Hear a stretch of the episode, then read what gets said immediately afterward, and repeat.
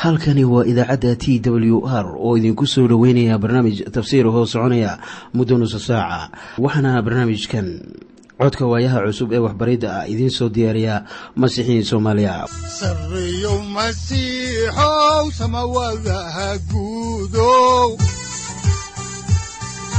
Siraadkii adduunkow subanaha eebow sareyow masiixow samawadaha guudow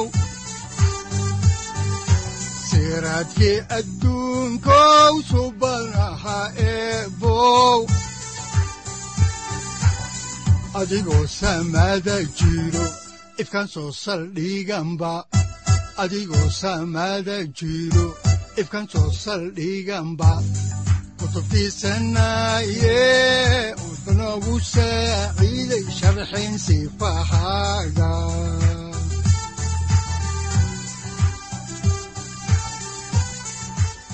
ku soo dhowaada dhegaystayaal barnaamijkeenna dhammaantiinba waxaan horay u sii ambaqaadi doonnaa daraasaadkii la magac baxay baibalka dhammaantii. Waxaan haddaba si dawaale ah idinku bilaabaynaa cutubka afar iyo soddonaad ee kitaabka shanaad ee muuse oo loo yaqaano sharciga ku noqoshadiisa mawduuca cutubkan uu ka hadlayana waxa weeye dhimashadii kelinimada ahayd ee nebi muuse oo ahaa addoonkii rabbiga.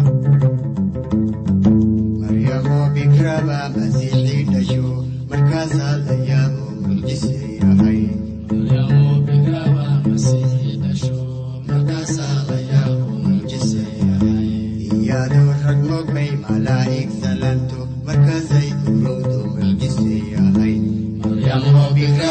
markuu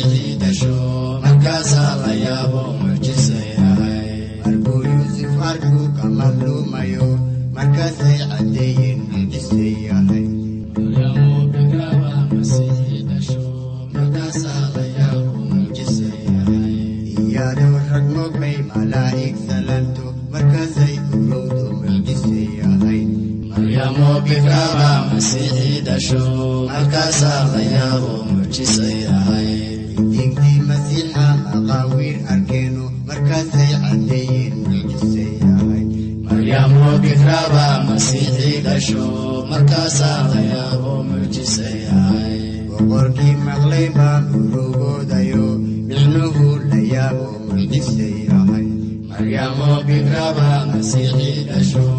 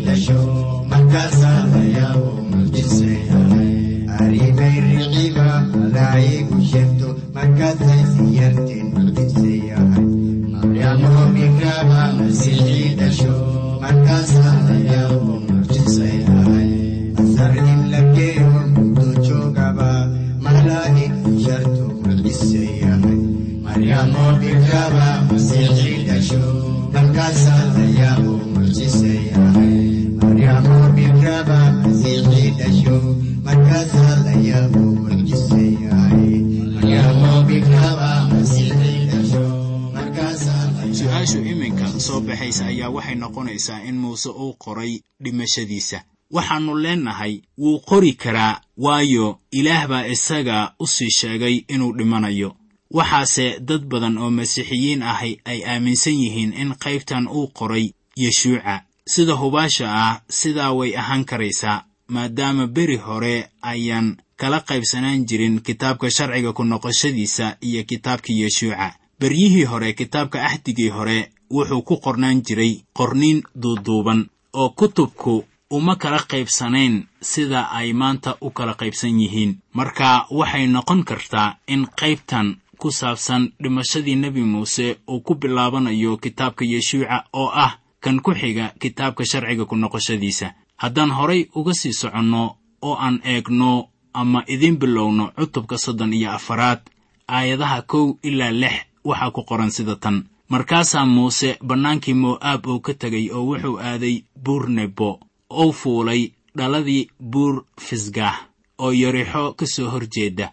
Kolkaasaa rabbigu isagii tusay dalkii gilicaad oo dhan iyo tan iyo daan iyo dalkii reer naftaali oo dhan iyo dalkii reer efraayim iyo reer manase iyo dalkii reer yuhuudah oo dhan tan iyo badda galbeed iyo xagga koonfureed iyo bannaanka dooxada yarixo oo ah magaalada geedaha timireed iyo tan iyo socar oo rabbigu wuxuu isagii ku yidhi waa kaas dalkii aan ugu dhaartay ibraahim iyo isxaaq iyo yacquub oo aan midkood kasta ku idhi dalkaas waxaan siinayaa farcankaaga. Haddaba waxaan ka dhigay inaad indhahaaga ku aragto laakiinse xaggaasi u gudbi maysid sidaas daraaddeed muuse oo ahaa addoonkii rabbiga meeshaasoo ahayd dalkii reer mo'aab ayuu ku dhintay. Sida erayga rabbiga uu ahaa oo wuxuu isagii ku aasay dooxada ku taal dalka mo'aab oo ka soo hor jeeda beyt ficoor laakiinse ilaa maantadan la joogo ma jiro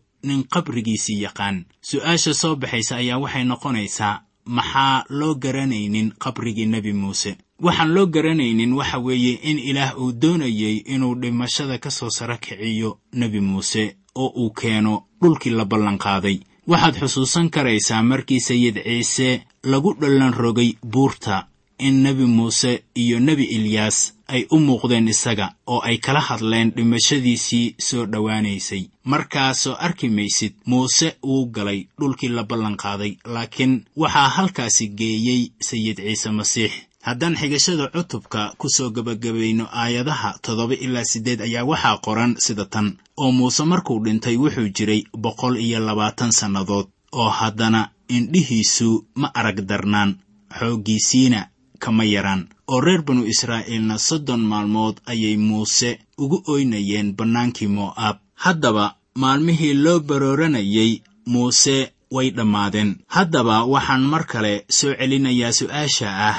Waxa loo qariyey qabrigii muuse sida hubaasha ah shayddaanku ma uusan doonaynin in nebi muuse uu ka muuqdo markii ciise uu dhallan rogmayey hase yeeshee aaskii muuse ilaah baa sameeyey. Inkastoo dhimashadii muuse ay inoola muuqanayso mid cidlannimo oo aan cidin la joogin ayaa waxaa hubaal ah in ilaah uu la joogay nebi muuse. Waxaana kitaabkan sharciga ku noqoshadiisu uu ku soo xirmayaa murugadaas. Waxaanse aan idiin sheegaynaa dhegaystayaal inaan horay u sii wadi doonno qisada reer banu israa'iil. Reer banu israa'iilkaasoo geli doona dhulkii loo ballanqaaday iyadoo uu markaana hoggaaminayo yeshuuca inanuun oo qabiilkiisu uu ahaa reer efraayim. Waxaannu idiin bilaabi doonnaa kitaabkii yeshuuca oo ka mid ah axdigii hore. Yeshuuca wuxuu ahaa hoggaamiyihii reer banu israa'iil kadib markii nebi muuse uu dhintay. Waxaannu ku bilaabi doonnaa horudhaca kitaabkan waxaanan uga gudbi doonnaa cutubka koowaad. Haddaba kitaabka bilowgii oo ahaa kitaabkii koowaad ee nebi muuse ayaa waxaa ku qoran dhalashadii israa'iil. Kitaabka baxniintii oo ahaa kitaabkii labaad ee muusena waxaa ku qoran in israa'iil la doortay. Kitaabka tirintii oo ahaa kii afraad ee muusena waxaa ku qoran in qaranka israa'iil la caddeeyey ama raalli laga noqday kitaabka laawiyiintana waxaa ku qoran in reer banu israa'iil lagu soo dhoweeyey dhiigga. Kitaabka shanaad ee sharciga ku noqoshadiisana israa'iil baa lagu hoga tusaalaynayaa. Iminkana kitaabkan yeshuuca waxay la kulmayaan dagaallo oo waxbay maquuninayaan. Kitaabkii yeshuuca wuxuu soo dhammaynayaa qisada furashadii israa'iil ee ku soo bilaabatay kitaabka baxniintii. Baxniintii waa kitaab furasho oo dadka laga soo furanayo addoonsigii reer masar lagana soo kaxaynayo dhulkaas. Yeshuuca waa kitaab furasho oo dadka la geynayo dhulkii loo ballanqaaday.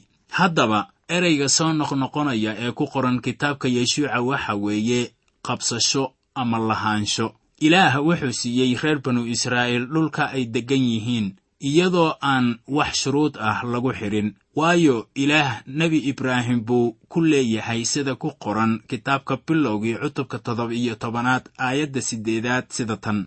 Oo waxaan ku siin doonaa adiga iyo farcankaaga kaa dambeeyaba dhulkii aad socdaalka ku ahayd. Kaas oo ah dalka kancaan oo dhan inuu idin ahaado hanti aad weligiin lahaataan. Aniguna waxaan ahaan doonaa ilaahooda marka ay sidaas tahay lahaanshaha reer banu israa'iil ee dhulkaasi waa mid aan wax shuruud ah lahayn. Waxaa markaasi jiraya dagaallo iyo qabsasho dhulka xoog lagu qabsanayo. Waxay ahayd inay dagaalamaan oy dhulkooda qabsadaan. Isla sidii yeshuuca uu xusuusiyey iyaga ka hor intaannu nebi muuse dhiman addeecista hadalladii ilaah ayay ku xirnaanaysaa haddii ay dhulka sii joogayaan iyo haddii kale. Haddaba kitaabkan yaa qoray. Kitaabkan waxaa qoray yeshuuca. Kutubta taariikhda sharciga ee loo yaqaano talmud ayaa yeshuuca baa wada qoray la leeyahay.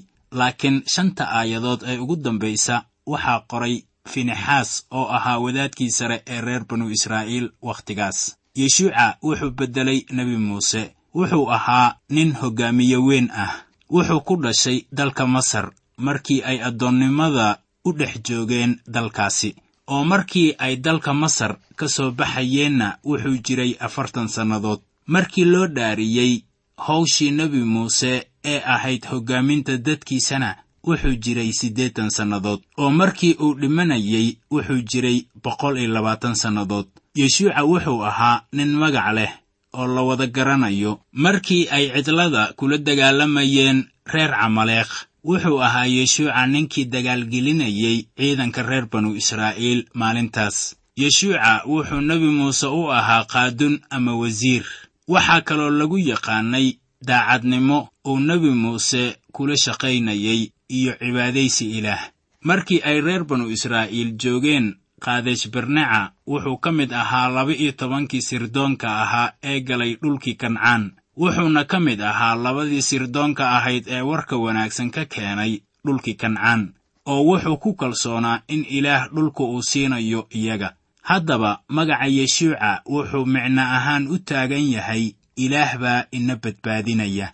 Markaan eegno axdiga cusub ereyga la midka ah yeshuuca ayaa lagu sifeeyaa ciise masiix yeshuuca wuxuu ahaa nin geesi ah oo ilaah ugu xidhan dhanka rumaysadka hoggaamiyanimada aaminaadda iyo farxaddaba. Isagu waa masaalka masiixa marka la eego magaciisa iyo howshiisa sida nin wacdiye ahaa beri horeba yidhi yeshuuca wuxuu muujiyey in qofka caadiga ahi uu hoggaamiye ka noqon karo wehelnimada masiixiyiinta. Yeshuuca looma magacaabin sida baryaha kan dadka loo magacaabo. Waxaa doortay nin oday ahaa oo garanayay ilaah oo weliba aqoon u lahaa yeshuuca. Wuxuuna gartay in yeshuuca uu u qalmo inuu wax hoggaamiyo nolosha qofka masiixiga ah waxtar buu u lahaanayaa kitaabkan yeshuuca maanta. Dhulkii la ballan qaaday ayaan u taagneen jannada waayo jannada laguma helo dagaallo iyo maquunis jannada waxaa lagu helaa hadiyaddii ilaah ee nimcada. Waxaase dhulkaasi la ballanqaaday uu u taagan yahay meel rumaystayaasha dunidu ay isku urursadaan maanta. Kitaabka yeshuuca wuxuu la heer yahay ama la siman yahay warqaddii rasuul bawlos uu u qoray dadka efesos oo qayb ka ah kitaabka axdiga cusub. Halkaasoo aynu ku arkayno in rumaystaha lagu barakadaynayo barakooyinka ruuxa in dhulka la lahaado iyo khibradaha ay kala kulmayaan baa ku xidhan dagaallo iyo maquunis. Laakiinse dalka kuma qabsan karaan xooggooda waxayse u baahanayaan ruuxa quduuska ah iyo nolosha gaamurtay ee rumaystaha kitaabkan yeshuuca waa qaabka. Wuxuuna sharaxayaa dariiqa rumaystuhu uu ku heli karo ama ku lahaanayo waxa ilaah uu siiyey isaga haddaan intaasi ku soo ekayno horudhaca kitaabka yeshuuca ayaannu kaga gudbaynaa cutubka koowaad. Mawduuca cutubkan koowaadi uu ka kooban yahay waa laba maado oo kala ah. Caleemasaarkii yeshuuca iyo amarkii yeshuuca uu talada kula wareegay. Haddaba markaan eegno qisada ku qoran laba-iyo tobanka cutub ee ugu horreeya ee kitaabka yeshuuca ayaa waxaa ku qoran in reer banu israa'iil ay galayaan dhulkii loo ballanqaaday markaana cutubkan saddex iyo toban ilaa kow iyo labaatan ayaa waxaa ku qoran in dhulkii la qaybiyey. Kitaabkuna wuxuu ku soo xirmayaa farriintii u dambaysay ee yeshuuca uu u soo jeediyey dadkiisa. Haddaba maaddada ugu weyn ee la adkaynayo markaan ku jirno qisada yeshuuca ayaa waxay tahay lahaansho ama qabsasho. Cutubkan koowaad ayaannu ku arkaynaa waxa qabsasho ama lahaansho ay ka micno tahay cutubku wuxuu ku furmayaa sayidka oo shakhsi ahaan xilka iyo amarka ugu wareejinaya yeshuuca. Haddaan markii ugu horraysay idin akhrinno kitaabka yeshuuca ayaannu eegaynaa cutubka koowaad aayaddiisa koowaad ee baalka laba boqol laba iyo toddobaatan ee axdigii hore. Waxaana qoran sida tan addoonkii rabbiga oo muuse ahaa markuu dhintay dabadeed rabbigu wuxuu la hadlay yeshuuca inanuun oo muuse mididiin u ahaa oo wuxuu ku yidhi wixii haddaba dhegaystow uu ku yidhi waxaannu idinka akhrin doonnaa aayadda labaad. Waxaan markaasi ogaanaynaa in kitaabkan iyo kan sharciga ku noqoshadiisa ay isku xidhan yihiin waana laba kitaab oo isku mid ah. Waxaana halkan ka muuqanaya in sharciga ku noqoshadiisa cutubka afar iyo soddonaad uu qoray yeshuuca haddaan horay idinku sii wadno xigashada oo aan eegno aayadda labaad ee cutubkan koowaad waxaa qoran sida tan. Addoonkaygii muuse ahaa waa dhintay. Haddaba kac oo webiga urdun ka tallaaba adiga iyo dadkan oo dhammuba oo waxaad u gudubtaan dalka aan siinayo iyaga kuwaasoo ah reer banu israa'iil. Waxaa inta ku qoran muuse oo ahaa addoonkayga wuu dhintay. Sidaan aragnay muuse ma ahayn mid aan looga maarmaynin inuu hoggaamiyo reer banu israa'iil oo uu geeyo dhulkii loo ballanqaaday. Bilxaqiiqa isagu ma aanu geyn karin iyaga dhulkii loo ballanqaaday. Nebi muuse wuxuu u taagnaa sharciga sharciguna inama badbaadin karo. Sharciga waa kan wax inoo muujiya laakiin ma ahan mid wax soo furta. Wuxuu ina tusaa inaynu dembiilayaal nahay. Sharcigu ma ahan badbaadiye nebi muuse ma hoggaamin karo reer banu israa'iil oo ma keeni karo dhulkii loo ballanqaaday iyadoo ay ugu wacneed guuldarrooyinkii shakhsi ahaaneed ee la soo gudboonaaday. Markaana waxa dhibaatadu ay ka taagan tahay ma ahan sharciga ee waa nebi muuse qudhiisa isla sida innaguna aynu u dhibaataysannahay oo aynan kaamil u ahayn. Sharcigu wuxuu inoo iftiimiyaa inaan ka gaabinnay ama aan gaari weynay ammaanta ilaah. Marka yeshuuca wuxuu leeyahay nebi muuse oo ahaa addoonkii rabbiga waa dhintay. Haddaba ciise oo keliya oo ah badbaadiyaheenna iyo yeshuuca ayaa inagu hoggaamin kara rugta barwaaqada ah ee uu inoo hayo. Waxay aayaddani inoo sheegaysaa in dhulka la siiyey reer banu israa'iil. Lahaanshaha dhulkan ee israa'iil waa mid aan shuruud ku xidhnayn ilaah wuxuu ka ballanqaaday nebi ibraahim iyo faraciisa dhulkaas. Ilaah wuxuu sii adkeeyey ballankiisii sida ku qoran kitaabka bilowgii. Markaan eegno kitaabka sharciga ku noqoshadiisa ayaannu arkaynaa in ilaah ahdi weligiis ah oo la dhigtay reer banu israa'iil kaasoo ku saabsanaa dhulka falastiin. Wuxuuna dhulkaasi u siiyey iyaga inuu u ahaado hanti weligeed ah haddaan horay idinku sii wadno xigashada kitaabka yeshuuca cutubkiisa koowaad ayaa waxaa ku qoran aayadda saddexaad sida tan. Meel kasta oo aad cagta dhigtaanba waan idiin siiyey sidaan muuse ugu sheegay. Ilaah wuxuu siiyey iyaga dhulka.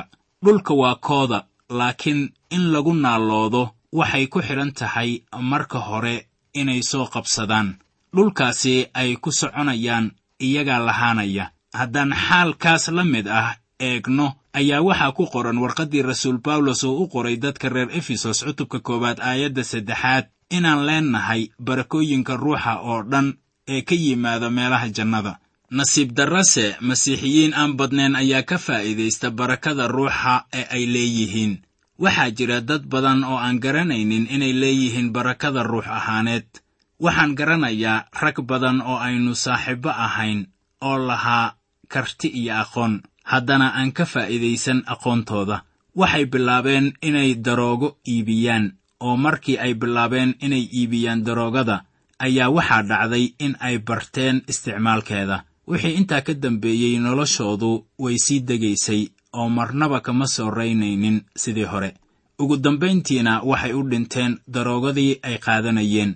Raggaas qaarkood waxay ahaayeen jaamiciyiin waxtar weyn u lahaan lahaa dhulkooda taasuna waxay ka micno tahay inaanay dadkaasi ku fara adeegin barakooyinkii ruux ahaaneed ee ilaah uu siiyey. Haddii ay ka faa'iidaysan lahaayeen waxaa dhici lahaa inay nolosha ku guulaysan lahaayeen.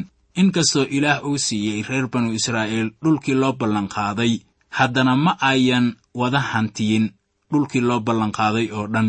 Bilxaqiiqa reer banu israa'iil wax aan badnayn oo dhulkaasi ah ayay hantiyeen waxaa la mid ah masiixiyiin fara badan maanta oo lagu barakadeeyey barakooyinka ruuxa waxayna u dhintaan sida kuwa aan rumaysad lahayn. Taasuna waa masiibo weyn. Maxaa wacay? Waxay garan waayeen inay hantiyaan wixii ilaah uu siiyey. Kitaabka yeshuuca ayaa inoo sheegaya sida loo hantiyo waxa ilaah uu ina siiyey. Iyadoo ay ugu wacan tahay dagaallada ayaa laynaga doonayaa inaan xoogga ilaah isticmaalno sida ku qoran warqaddii rasuul bawlos uu u qoray reer efesos. Waxaa jira cadowga ruuxa oo nala dagaalamaya. Si laysaga caabiyo ayaa waxaa habboon inaannu isla eegno tusaalaha inoogu qoran warqaddii rasuul bawlos uu u qoray dadka efesos.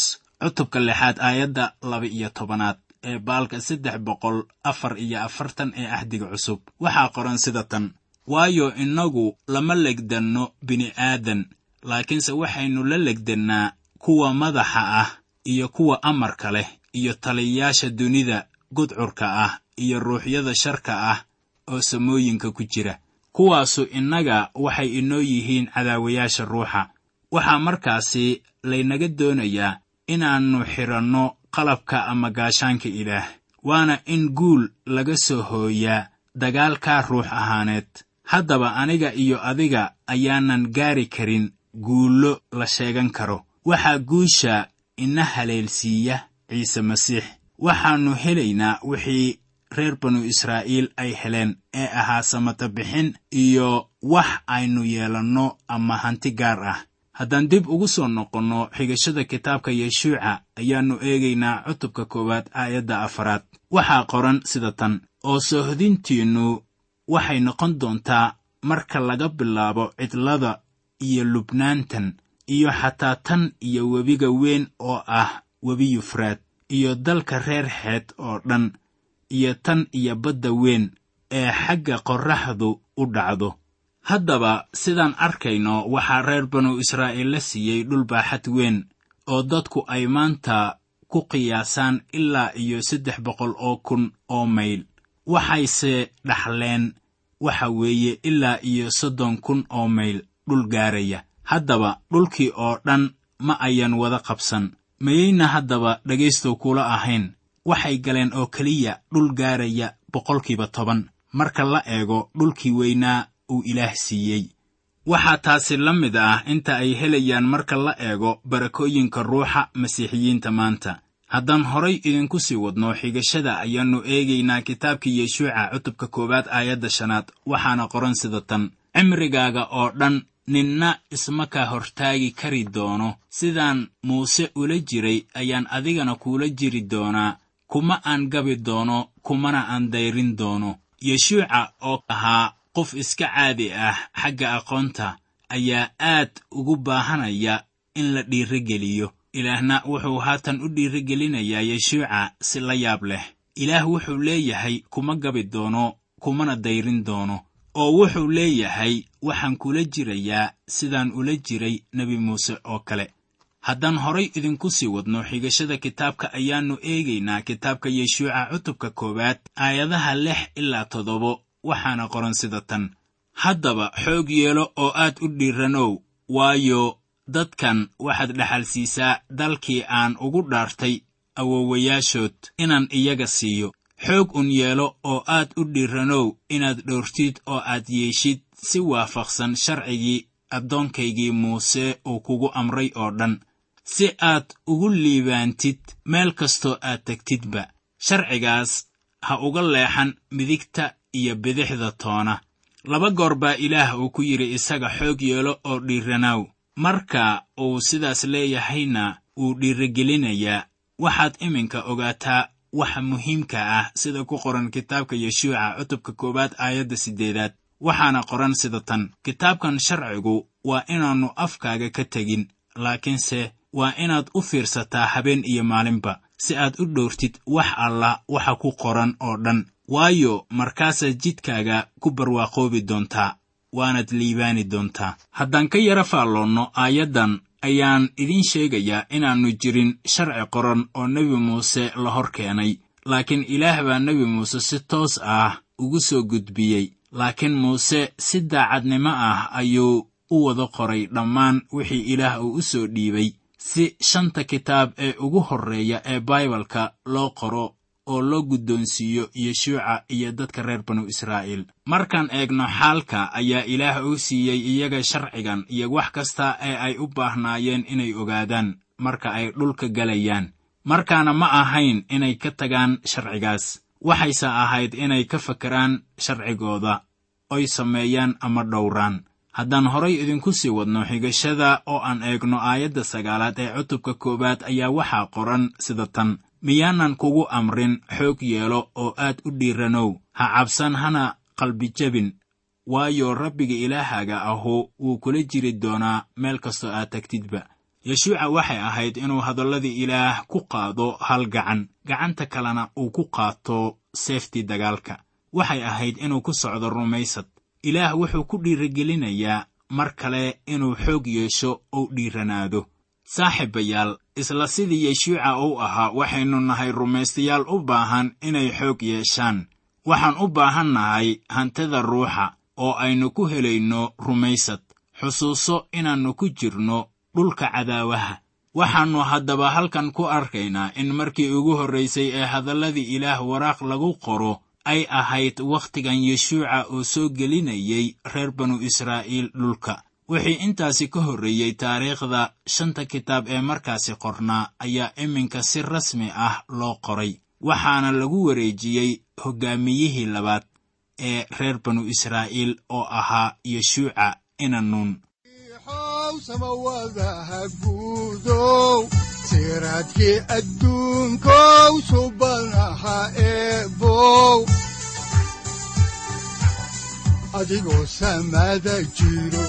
ifkan soo saldhiganba adigoo samada jiro ifkan soo saldhiganba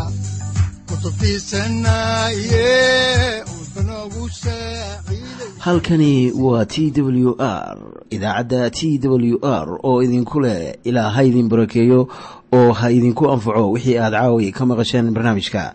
Waxaa barnaamijkan oo kalea aad ka maqli doontaan habeen dambe hadahan oo kale haddiise aad doonaysaan in aad fikirkiina ka dhiibataan wixii aad caawi maqasheen ayaad nagala soo xiriiri kartaan som t w r at t w r c o k e haddii aad doonaysaan in aad dejiisataan oo kaydsataan barnaamijka ama aad mar kale dhegaysataan fadlan mar kale booqo www t w r o r g amase www t t b t w r o r g. Amase waxaad teleefoonkaaga ku kaydsataa ama ku download garaysataa agabyada ku sahli karaa dhegeysiga t w r haddii aad doonayso in laga kaalmeeyo dhinacyada fahamka kitaabka amase aad u baahan tahay duco fadlan fariimahaaga soo mari bogga aaraahda ama kommentska inana jawaab degdeg ah ayaanu ku soo diri doonaa amase ku siin doonaaye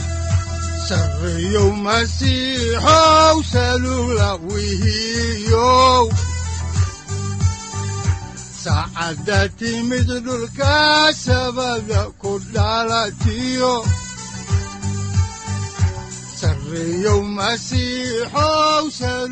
halkani waa t w r oo idiin rajaynaya habeen baraare iyo barwaaqaba leh inta aynu ka gaari doono wakhti aynu ku kulanno barnaamij la mida kan caawayay aad maqasheen waxa aan idinku leeyahay nabadda ciise masiix ha idinku badato xagga jidhka iyo ruuxaba aamiin